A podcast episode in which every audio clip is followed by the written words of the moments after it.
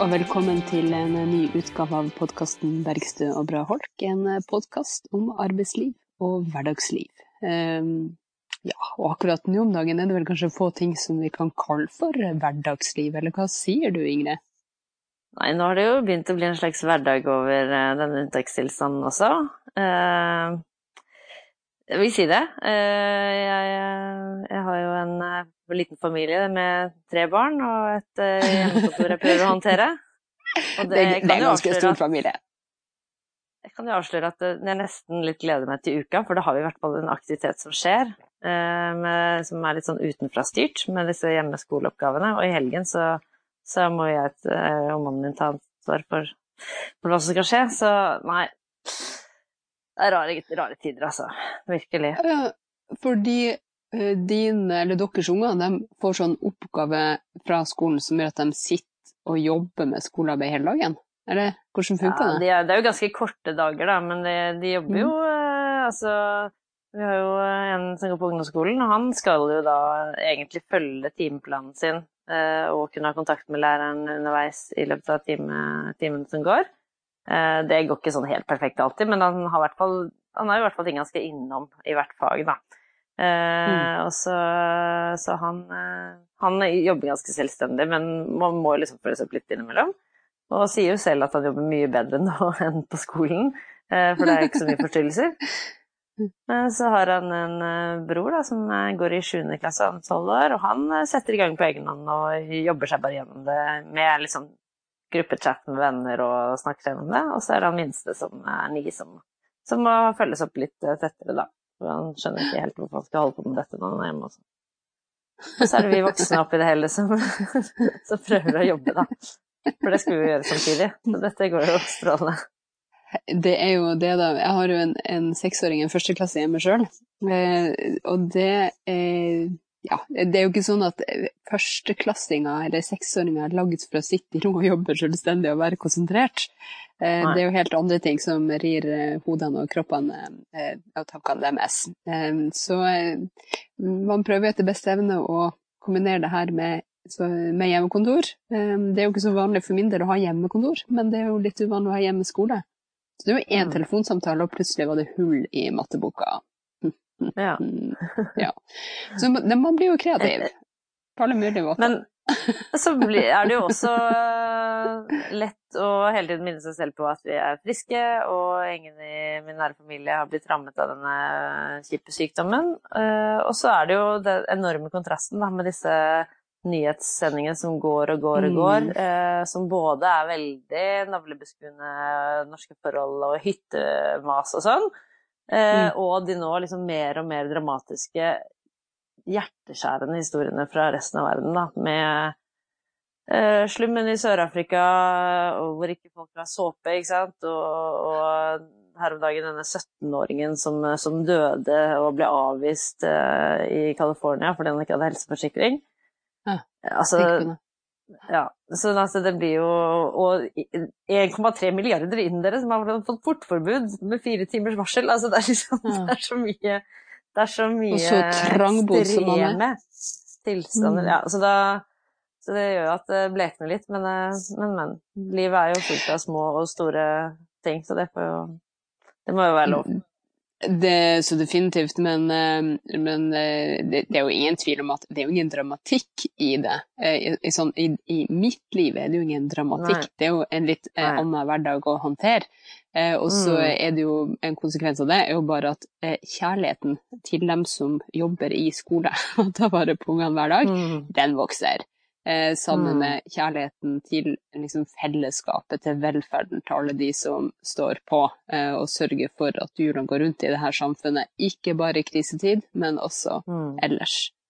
Eh, mm. Men det er jo klart at man tenker jo ekstra mye på dem. Dem som driver med renhold, dem som driver med, med, med helse, og dem som eh, ja, sørger for at uh, søpla blir henta, og at veiene blir brøyta, og at samfunnshjula er, er, på plass, og tryggheten vår er, er sikra. Mm. Men det er jo ganske dramatisk, og det er jo ganske spesielt å følge nyhetsbildet, som du ser, og se at i Madrid har man tatt i bruk eh, sånn ishall, holdt jeg på å si, sånn skøytehall, for rett og slett mm. å oppbevare døde mennesker. Fordi man klarer ikke å ta unna. Så det er jo Det er jo en dyp eh, krise vi ikke helt eh, vet hvor, eh, hvor vil ende. Eh, ja. Og da må man jo håndtere det på en, på en, klok måte. Eh, for ikke å komme forferdelig galt ut i, i andre enden. Mm. Det ser vi jo at det skjer. Vi ser jo at autoritære regimer strammer grepet. Ja. Eh, og at mange tar seg til rette. Så jeg, jeg må jo innrømme at jeg har tenkt litt på denne boka 'Sjokkdoktrinen' av Naomi Klein. Ja. En, uh, en, bok som kom for en god del år siden. Mm. Men som jo handler om uh, hvordan kriser Hun tar jo for seg både naturkatastrofer, store omveltninger i, i et samfunn. hvordan Eh, det har blitt utnytta eh, opp igjennom for å eh, innføre enda mer nyliberal politikk, eller politikk som kanskje egentlig ikke har så sterk oppslutning blant folk, men som man kan se sitt snitt til å få gjennom når fokus og, og tanker og oppmerksomhet er på helt andre plasser. Mm. Ja, det var jo, det var jo denne den eh, såkalte koronaloven, eller fullmaktsloven, som, som, var på vei til å bli vedtatt uh, forrige uke, hvor, uh, hvor Stortinget uh, satte ned foten og gjorde en del endringer før den, før den gikk gjennom. Og da syns jeg det var interessant at Erna Solberg sa ja, altså jeg prøvde ikke å gjøre noe statskupp. det var sånn der, uh, Du måtte si det, liksom. det var veldig merkelig. Altså ja. Men det er koronakommunikasjonen sin. Nei, men det var liksom ingen andre som hadde brukt det ordet. Det var liksom, plutselig kom det, liksom. Ja.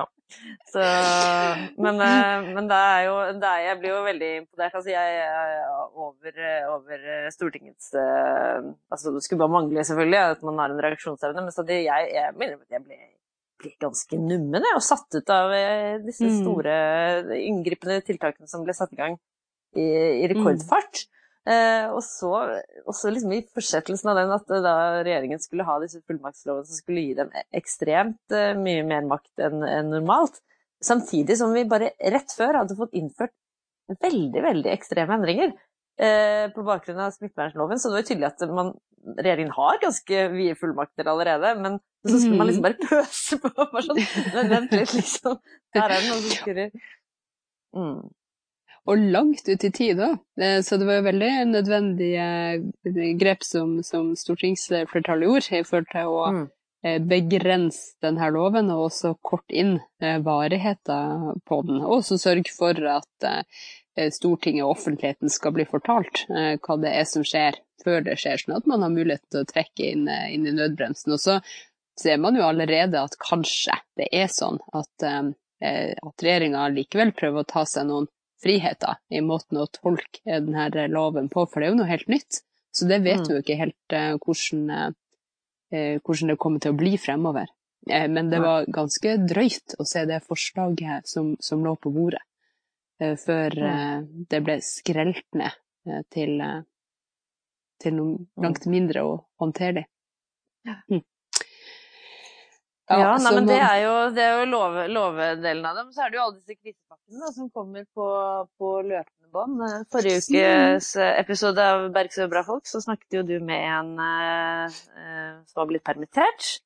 Mm. Og det, det, har jo skjedd Det har blitt gjort ganske mange, mange endringer uh, i, i, de normale på en måte ja, reglene rundt, rundt permittering osv for mm. å hjelpe, hjelpe folk og, og, bedrifter gjennom denne, denne krisen.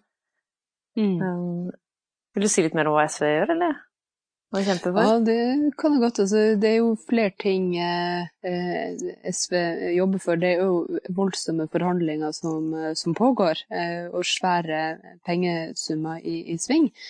Eh, så det som er viktig, det er jo å sørge for eh, at eh, arbeidsfolk har trygghet i forhold til inntekt. Eh, og så er det jo en stor diskusjon om hvor mye inntektssikring man skal få, og hvem som skal få det.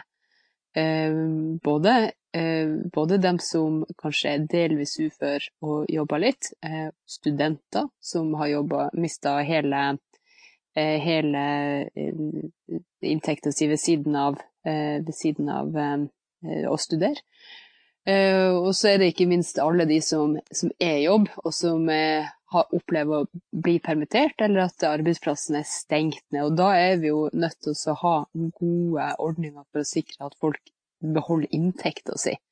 Eh, og så er det jo mange folk som kan ramle mellom eh, to stoler, som det heter, eller mellom mm. flere ordninger. Eh, så der må man være veldig på vakt for å se at, at folk, folk, sikres.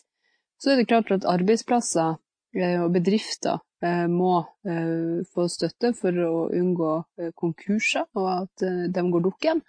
Og så må vi jo sikre at fellesskapsløsninger, at velferd og tjenester Eh, består eh, og er til stede i livene våre både under og etter krisa.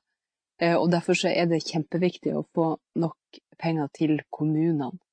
Som, som jo rett og slett risikerer å bli uten penger, fordi de mister hele skatteinntekta si. Ja, fordi det er så mange som mister jobben? Ja, når folk mm. ikke jobber, så forsvinner jo også inntektene til kommunen. Eh, så mm. det er jo enorme summer eh, som, eh, som, må kompenseres. I tillegg så er det jo mange som har Ja, at det er jo dyrt å, å drive kommuner med koronatiltak, for å si det sånn. Mm. Mm. Og så er det jo mange ting i de her diskusjonene rundt, rundt krisepakka. For nå er det jo mange som snakker om dugnad, og nå skal vi alle være stille opp Eh, for fellesskap og for en dugnad. Og det gjør jo eh, det store flertallet. ikke sant? Folk eh, holder seg hjemme, vasker hendene, gjør det man kan, holder avstand til naboen og, og de som måtte, man måtte finnes. Og ikke minst alle dem som er på arbeid sjøl om, selv om man har risiko med det, fordi at man har så viktige funksjoner for, for samfunnet. Mm. Og, og, og, det er jo klart at når, når man bruker store penger da, på å eh, sikre arbeidsplasser og bedrifter for, for fremtida, eh, da er det jo Kanskje kan man forvente at, at flere bidrar til den, den, dugnaden, i hvert fall med tanke på sånn, ja, fremtidig utbytte, da. Eh, mm. Og der har det vært en stor debatt. Ja, for det har jeg jo sett at eh, SV har krevd det at man ikke skal eh, Altså bedrifter som får, får da støtte i, i, form av cash fra fellesskapet, skal ikke, ja, ikke ta utbytte, ikke si opp ansatte, heller permittere dem hvis det er, det, hvis det er en sånn situasjon. Um, mm. Og ikke ha penger, eller ikke at selskapet skal være plassert i skatteparadis, som jo er en så burde jo selvfølgelig være en forutsetning. Det, det kan jo ikke være mm. sånn at du stikker av fra fellesskapet i normaltid, og så kommer du løpende tilbake uh, når det passer deg. Altså, det, kan jo være rasjonelt ut fra en kapitalistperspektiv, selvfølgelig, men Så, ja. Ja. Men det ble det da ikke flertall for, for det ble for mye for eh, Fremskrittspartiet og for eh, høyresida. Eh, at man skulle drive og, sette den typen begrensninger. Du verden ja. så grusomt det ville, ville være. Og, det er vel en del av støttespillerne til Høyre og Frp som, som, som, ville bli rammet av det. Så det er jo klart at Altså bedrifter, rett og slett. Det er klart. Ja. ja. Det er klart at de ville jo, de ville jo reagert på det. Eh, at, eh, at, de skulle få begrensninger i muligheten til, mm. Eh, til å kunne ta av de samme midlene som fellesskapet hadde stilt opp med på et senere mm. tidspunkt. Mm. Mm. Men da har man jo kanskje ikke bruk for de midlene, da. Og Nei, hvis ikke ja, hvis det, man ikke kan gå med på, på en, en, så, etter mitt syn, enkel Eh, begrensning i en sånn type eh, avtale eller, eh, mm. eller dugnad, kall det hva du vil. Det samme gjelder jo det her med mm. husleie òg. Mens, mm. mens, arbeidsplasser går dukken. Fordi de har jo ingen inntekter, mens, mens de vanlige utgiftene løper av gårde. Så, mm. så bør man jo se, gjøre det man kan for å pålegge begrensninger i forhold til å kreve uh, vanlig husleie. Eh, mm. Hvis man er f.eks. sånn som Olav Thon, en, eh, en voldsom eh, huseier som eier helt ekstreme mengder eiendom. Da har du virkelig råd til å være med på dugnaden, og hvis du ikke skjønner det sjøl, så bør man bruke det man kan av reguleringer for å, å pålegge noen å være, være med på, på, det, for å hindre eh, konkurser, rett og slett. Men jeg vet at det, det høres det stemning for. Naiv ut nå, men jeg syns det er så rart med sånne super, superrike, sånn som Olav Thon. Altså, han, han vil jo mm. ikke merke det på noe som helst måte om Nei. Formuen hans reduseres med null eller fire, liksom. Det er, sånn der, det er jo helt umerkelig for han. Altså, jeg skjønner, jeg skjønner det bare, Jeg klarer ikke å fatte det. Hvordan uh, det, det, er jo bare tullepenger uansett, Eller ikke tullepenger, men altså, det, skjønner du, det er, liksom, det er jo bare Det er jo helt u, ubegripelig store summer uansett. Mm. Uh, altså, det er ubegripelig om det er Nå vet ikke jeg hva formen hans er på, da, men om den er på om den er på fem milliarder, eller om den er på syv milliarder altså det er sånn, Følelsen mellom fem og syv milliarder, hva, hva er den? på en måte? Mm. Ja, det syns jeg er veldig merkelig. Det, du, det, det ville jo ha så lite å si for ham, da, og så utrolig mye å si for så mange andre. Det er det jeg vil fram til, da. Ja. Om han bare stilte litt opp eh, nå i denne ja. krisetida. Mm. Ja. Mm. Mm. Det hadde jo det, eh, og særlig når man eier så ekstremt mye eh, som, mm. som han gjør. Eh, så hadde hatt hadde man jo hatt mulighet til det. Men eliten stiller jo ikke opp på dugnad uten at de blir pålagt det. Og det er jo derfor man må ta politikken i, i, i bruk. Og så må man jo mm. sørge for at det som det investeres i nå For det er jo kjempeviktig å bygge landet når, når eh, man ser at det er en sånn nedgang som er i ferd med å skje nå. At man får Eh, satt, eh, satt hjula i gang, satt i nødvendige eh, prosjekter i, sving. At verftene har ordrebøkene i orden, at Nord-Norge-banen realiseres, at man driver vedlikehold og, og, og ja, veier og, og, og, så videre. og det er jo klart at da er det jo veldig viktig at de pengene vi i fellesskap setter til det, at det er investeringer for fremtida. At man kan mm. uh, tenke at nå, under den situasjonen som er med permittering, så må folk få muligheten til å drive med, med kompetanseheving, kanskje ta fagbrevet man eh, aldri har fått, fått tatt, få begynt på en ordentlig måte på det. Men også, også, at man investerer sosialt, både gjennom at man klarer å bekjempe sosial dumping og at, ja, vi har jo sett eksempler tidligere på at Eh, man har eh, kvitta seg med fast ansatte for å eh, holde på, på innleide arbeidsfolk mm. i, i, i, etterkant. Og også at man investerer i, i jobber som, som, kan være kanskje en del av en, en grønn og rettferdig omstilling. Mm. Bra. Nei, men det blir eh, bra hvis SV hadde ikke hatt uh, en flertall. Da skulle vi gjort alt dette helt sånn på egen hånd, men uh, Det hadde vært litt bedre, da. Litt og litt. Litt og litt funker. Litt. Det er bra. Dytte på. Ja. ja. Alt som kan dyttes i riktig retning er jo bra, og da trenger man jo å trekke lag. Alle som ønsker at det i hvert fall ikke er arbeidsfolk som skal sitte igjen med kjemperegninga etter denne krisa.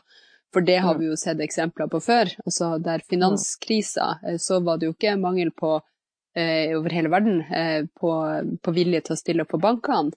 Eh, mm. men, eh, men, man kommer jo ikke mer sosialt eh, ut av krisa, heller tvert imot. Så, og det er jo mm. veldig viktig å huske på når man skal håndtere krisa og stå midt oppi det, at det mm. her her er det viktig å, å lande riktig også i, i, andre enden, og da må vi rigge oss sånn at det ikke er vanlige arbeidsfolk som sitter igjen med, med de store tapene, eh, mens eh, eliten nok en gang går, eh, går, fri.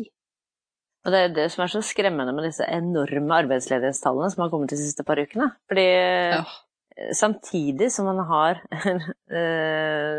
laget utrolig gode løsninger for permittering, da, Mm. så, så, sies jo folk opp uh, over en lav sko. Det er jo utrolig skremmende. Og det, Eh, og når man da i tillegg har et Nav som er så presset som det er, eh, så, så, mm. så, virker det jo ganske tøft eh, å kombinere alle disse gode nye eh, ordene, å si, lovene og eh, løftene fra, fra, eh, som krisepakkene leverer, ikke sant? I møte mm. med da ekte mennesker som, som skal, ha, skal, skal ha sitt skjema behandlet i Nav, som er fullstendig overbelastet fra før, som plutselig har bare fått et renn av nye, eh, nye mm, beskjeder, da. Mm. Både hva gjelder hva folk har rett på, og, og alle disse da, eh, arbeid, nye arbeidsledige og nypermitterte. Eh, da, ja. Nei, det da, da, er det tøft å ikke ha, ha en buffer på, på kontoen for, for, å komme seg gjennom det, altså. Mm. Det er jo det, og så er det jo tosidig, for det ene er jo at det her er jo ufattelig brutalt for dem det gjelder, de som står uten arbeid og, og, og ikke vet hva framtida vil bringe. Eh, men det viser jo også hvor hårreisende idiotisk det har vært å skrelle ned eh, på mm. virksomhet i staten.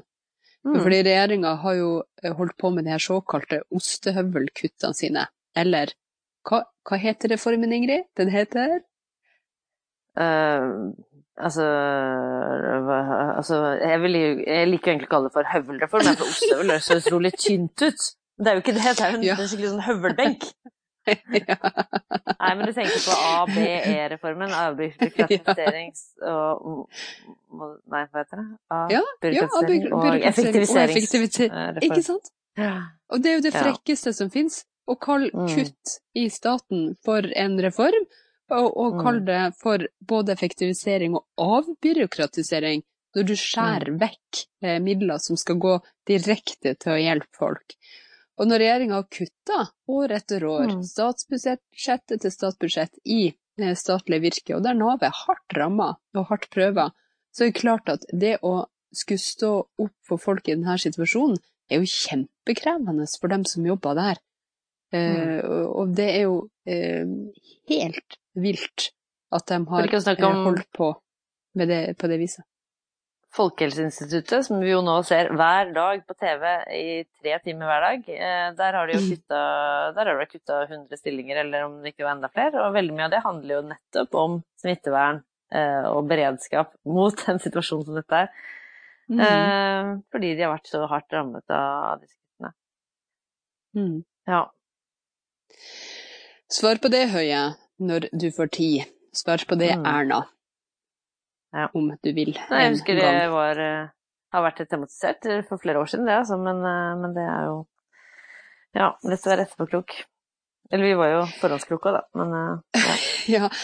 Og det er jo noe av det verste man egentlig sitter og sier. Det var sånn her, hva var det jeg sa? For at man ja. vil jo ikke ha rett i sånne ting. Man vil jo helst at det skal gå bra, at du liksom Eh, ja, men så skjer det jo igjen og igjen når vi advarer mot å kutte ned eh, i statlig virke, i offentlig sektor, i velferd og i mm. infrastruktur og det ene med det andre. Hva var det vi sa? Så, ja. Og uansett hvor, eh, hvor, automatisert og effektivt og digitalisert Nav blir, så skal det jo sitte et menneske i andre enden og, og på en måte signere på, på de, de perfekte utfylte skjemaene som, som kommer inn. Og den mm. arbeidsmengden som venter dem nå, altså det, det, det tør jeg ikke mm. tenke på. Og, og, i tillegg, når de da sitter med den der trygdeskandalen som de også har skal jobbe seg gjennom en milliard saker fra årene tilbake, så, så har de nok å drive med. Mm. Ja, virkelig. Mm. Så vi får håpe at i hvert fall organiseringsgraden i Nav eh, har økt. At folk har skjønt at det er rett tid å være med i ei fagforening. Um, sånn at man er trygg i jobben eh, når man skal stille opp for andre som trenger det. Mm. Mm.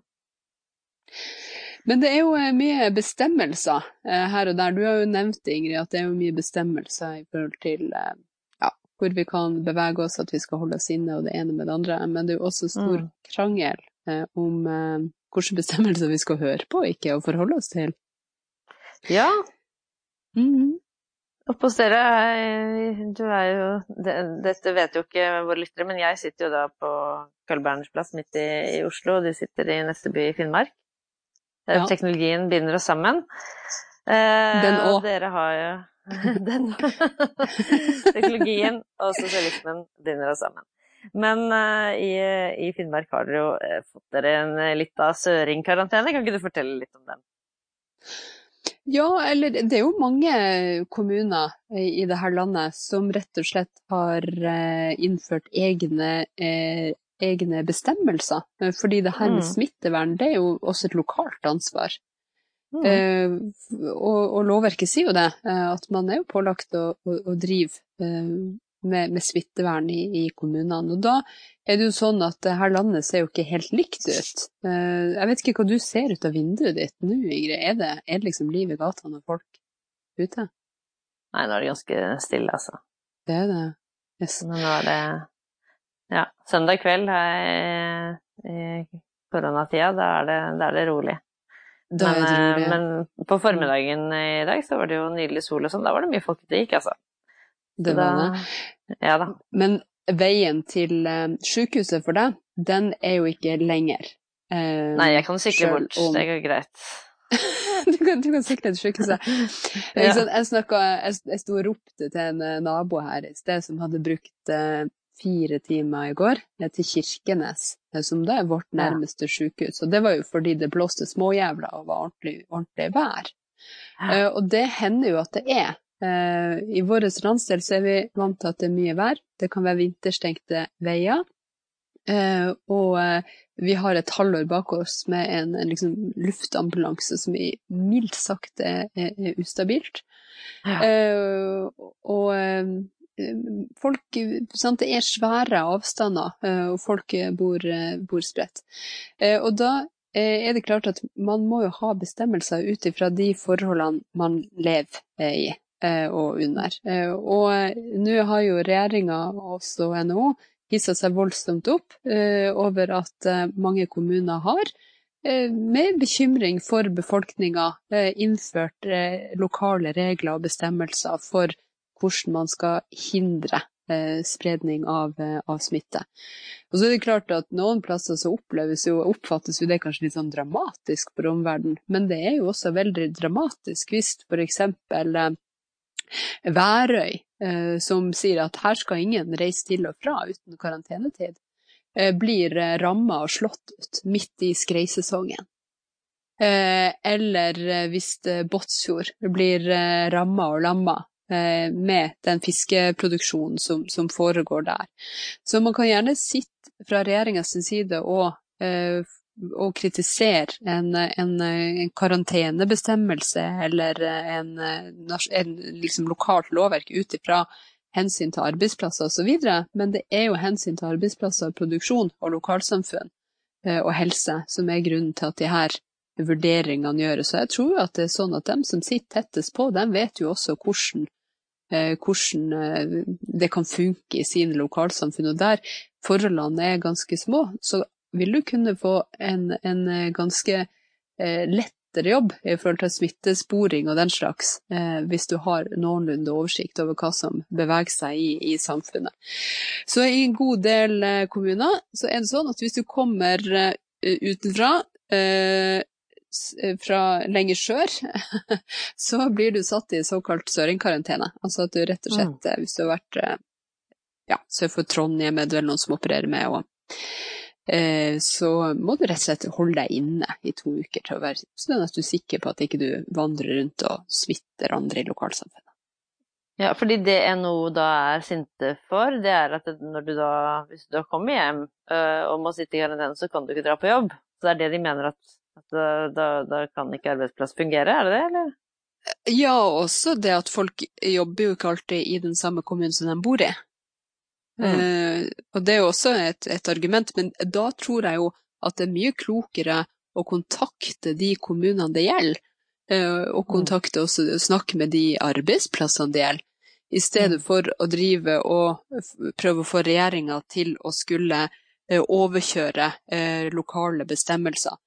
Vi vet jo at det sitter veldig eh, lett for denne regjeringa å drive og overkjøre lokale bestemmelser og, og, og folkeviljer. Eh, for det her er jo stort sett eh, av bestemmelser som har forståelse og gjenklang i de lokalsamfunnene som, som, som det, det, gjelder. Men da kunne det vært Det er jo mye mer smidig å heller være i kontakt med, med, kommunene og ta det den veien. Og prøve å finne løsninger hvis det er noen plasser det er for rigid eller man ikke har ja, tatt høyde for transport f.eks. som må ut og inn og sånt. De aller fleste kommunene har jo unntaksbestemmelser som, som gir, gir, mening.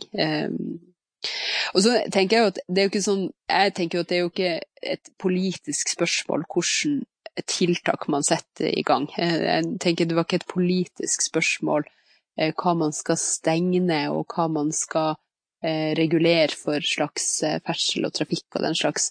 Det, det er jo faglige vurderinger. Og så må man jo ha eh, respekt for de faglige vurderingene som gjøres, også dem som gjøres lokalt.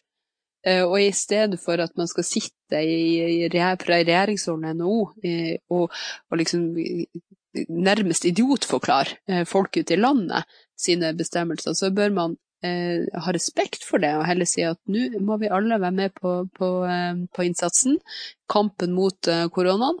Eh, da skal vi ha respekt for, for de avgjørelsene vi tar, og vi skal ha respekt og forståelse for at landet ser forskjellig ut, og at tiltakene kan, kan være ulike, tenker jeg da. Ja, for det, det, det, skjønner jeg også, men samtidig så er det jo disse faglige vurderingene er jo også sprikende, ikke sant. Så det, noen må jo på en måte til mm. slutt uh, fatte noen beslutninger, men, uh, men det er jo enig, som du sier, at, uh, at de som er, er nærme, ser, ser de, de, lokale behovene som man har, da, og det ja, det, det, blir veldig spesielt når man skal drive og overstyre det.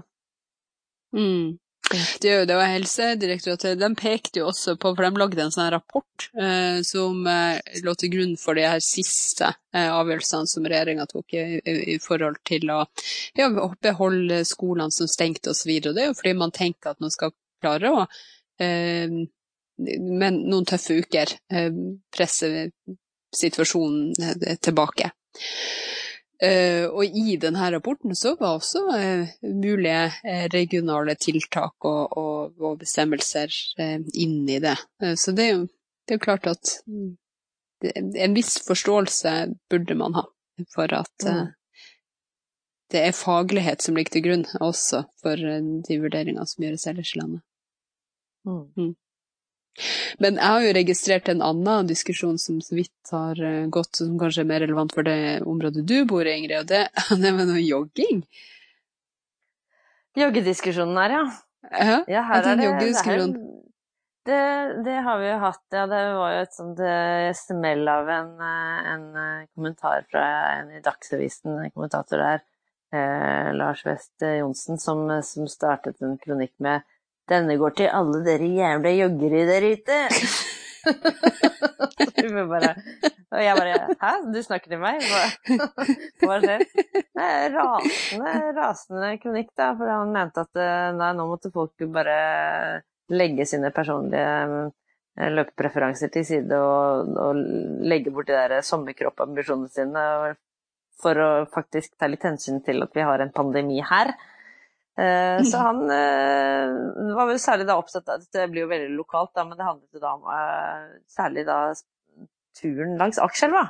For der mente han at der var det helt umulig å gå nå uten å bli liksom løpt ned av pustende, pesende, svette, hostende, harkende, spyttende joggere, da. Som, ja. som da løper og kast, sprer korona på deg idet de passerer veldig tett. Ja, det er sånn ja. dere gjør det? Det er jo sånn vi gjør det. Det er jo our way of jogging, liksom. Nei. Jeg, følte meg jo ikke så veldig truffet, for jeg pleier ikke å løpe så opp i trynet på folk. Men, eh, men altså Jeg, jeg syns jo ja, Bare for å si det ferdig, altså, jeg jogger ofte akkurat den traseen. Og det er, det er jo Det kan jo være mye folk hvis det er veldig fin sol og sånn, men det, det er jo også såpass store brede veier og stier at man, kommer, man kan jo holde litt avstand. Men, men jeg syns mm. jo Så jo, fikk jo han masse kjeft, og nå er det jo snudd helt. Nå er det jo han som er mobbeofferet her, stakkars, og ikke joggerne. Så det, det er tøffe tak. Lars, jeg, eh, Lars var det han het? Ja. Lars, hvis du hører på nå, vi, vi fordømmer deg ikke. Nei. Jeg bare si det. Jeg, jo, litt. ok. Nei da. Men det er fint men, at Lars har meninga si. Lars, eh, Lars skal få mene det han vil. Eh, jo da, eh, og jeg ble jo litt inspirert å jogge av dette maset hans, så jeg har jo jogget mer enn noen gang. Jeg, jeg, sånn, ja, søren, jeg er egentlig ganske fint å jogge nå. Men eh, det er jo mange turer man kan ta i denne byen, så det, det er jo greit. Men, men jeg syns at det, det, utbruddet hans, det, det, det har jeg, syns jeg liksom, Jeg ser litt sånn rundt omkring at folk er litt skvetne. Folk er ganske ja. av denne situasjonen. Mm. Jeg var på butikken her om dagen, så der er det jo satt opp sånne uh, klistrelapper på gulvet da, hvor det står én meter, én meter, én meter bakover. Da, sånn at man skal stå liksom, på hvor du skal stå ikke sant? Før, du, før du skal rykke framover. på en måte. Ja. ja, det har de gjort uh, på mange, mange dagligvarebutikker og Posten og overalt der. Uh, og, så, og da var det en fyr som gikk og var liksom veldig sånn uh, blid og pratet i telefon med noen og var liksom litt i sin egen verden, så han kom litt nærme en fyr, da. Hvorpå han bare Oi, ikke kom så nærme! og, han, og så skvatt han sånn. Så han, han, bare Oi, oi, ops, ja ja. Og så hadde han liksom bare smilt og, og trukket seg vekk igjen. Da ble jo han fyren enda større fordi han smilte, ikke sant? Så han trodde at han ja. lo av hans uh, reaksjon, men han var jo i telefonen. Jeg, jeg, så jo dette litt sånn utenfra, han var i telefonen og var sånn Oi, oi, jøss, jeg må jo flytte. Og jeg var en fyr som eh, Jeg kom litt nærme, og det likte ikke han. Nå, og jeg tror nok han skjønte at han hadde gått for nærme, og at det ikke var passende, men, men han snakka med en eller annen person, ikke sant, så, så derfor så fortsatte dette. Men han fyren som da hadde blitt eh, eh, fornærmet, hvis man kan bruke et så eh, sånt uttrykk for, Forulempet. Ja, ja, men altså han ble kom for nærme, da. Ja, eh, for nærme, for nærme. Eh, jo, han, han ble veldig Ja, det var fint. Og så, han, ble så, han ble så sur, og, og dette slapp ikke tak i han, så han begynte etterpå å snakke med hun i kassa sånn Han fyren kom så nærme! Jeg sto her, og så kom han helt nærme. Ikke bare det, men han bare lo av meg! Han lo av meg da jeg sa det kom for nærme! Ja. Bare, ja, ja, så det var så, så mye agg i det rommet. Åh, da var det godt å komme seg ut. Men da tenkte da jeg at eh, det er mye Får ikke stressa, vet du. Det er ikke noe, det er ikke noe hyggelig. Mm. Redsel får sjelden frem det, det, beste i oss. Eh, sånn redsel og, og, og, angst og manglende um, ja, kanskje vil si fremtidstro, men trygghet. Manglende trygghet får jo ikke frem det beste i oss. Og det er klart at jeg syns jo det er flere ting med den joggediskusjonen. Jeg skrudde på sånn Dagsnytt 18 og tenkte nå trenger jeg litt eh, oppdatering her. Og så var det en sånn diskusjon om ei lokal joggerute i Oslo, og jeg tenkte jeg skjærer meg løs, og så slo jeg av. For det var den her løpediskusjonen med Akerselva. Ja. Eh, og så er det jo det andre er jo hvordan er det vi er mot hverandre nå om dagen? Eh, så hvordan er vi sånn rent mellommenneskelig? Eh, for mange er opptatt av at vi skal ta vare på hverandre, at vi skal klappe for folk som gjør jobben sin. Det er vel og bra, det. Jeg syns det er enda viktigere å oppfordre dem til organisering, og husk å stille opp som streikevakter når de skal kreve høyere lønn for den jobben de gjør. Men det tredje er jo at vi vet jo at press i samfunn gjør jo noe med press i familier, i nære relasjoner, for dem som allerede har det vanskelig. Så Eh, jeg vil jo tro at eh, vold i nære relasjoner øker eh, når, når, man både er innestengt i større grad, og når, når presset på, på, den enkelte tiltar så, så, enormt. Så det er jo ganske mange som har, som har tøffe liv om dagen. Mm. Ja, og det tenker jeg også på ja, barn som, som, har skole og barnehage som et, som et viktig frirom, da. Et sted mm. hvor de eh, kan eh, å leke og utfolde seg og være, ja, være med, med, folk de er trygge med, og, det, mm. og kanskje ikke opplever det hjemme. Uh, så det ja, det, det er veldig, veldig, tøft å tenke på også, fordi det er det er jo også med disse utrolig strenge restriksjonene på hvor mange barn skal være sammen med. Eh, mm. Barna, barna, skal jo helst ikke ha mer enn én eller to faste lekekamerater. Altså hvis du da allerede er litt i, i periferien i, i, eh, klassen og venneflokken, så, så, er du garantert helt ute i, i denne mm. karanteneaktige tida. Mm. Uh, ja. Ja, så det, det tenker jeg at vi er også en del ut av det å havne eh, sosialt eh, ut i andre enden.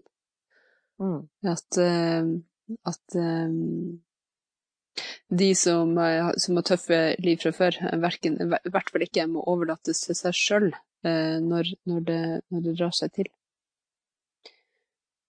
For det kan jo lett være sånn, hvis man ikke mm. husker å styrke opp det, det, som, det som, trengs for å, for å være den, den støtta i et fellesskap som kan fange opp nettopp, nettopp de situasjonene og gjøre noe med dem på sikt.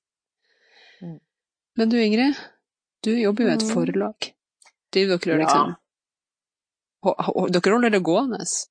Dere vi holder det gående, vi gjør det. Altså, vi har, eh, mm. vi, vi, har ikke noe Vi har ikke utsatt noen uh, utgivelsestidspunkter ennå. Vi, har, vi hadde liksom vi har tilfeldigvis hatt et lite hull i utgivelsesprosessen akkurat nå, men det, det, det, var på en måte datoer som var satt lenge før dette rammet oss.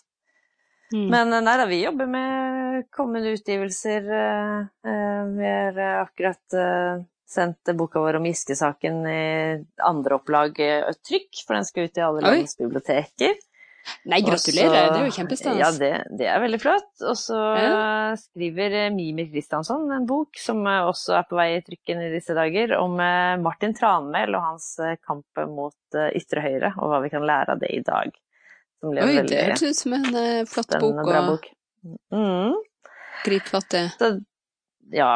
Men, uh, men vi har jo også Vi har jo merket, absolutt merket hvordan denne, denne situasjonen har rammet hele samfunnet. Fordi folk går jo ikke så veldig mye ut lenger, og de handler jo Går jo på butikken og kjøper mat, men der selger man jo ikke manifestbøker.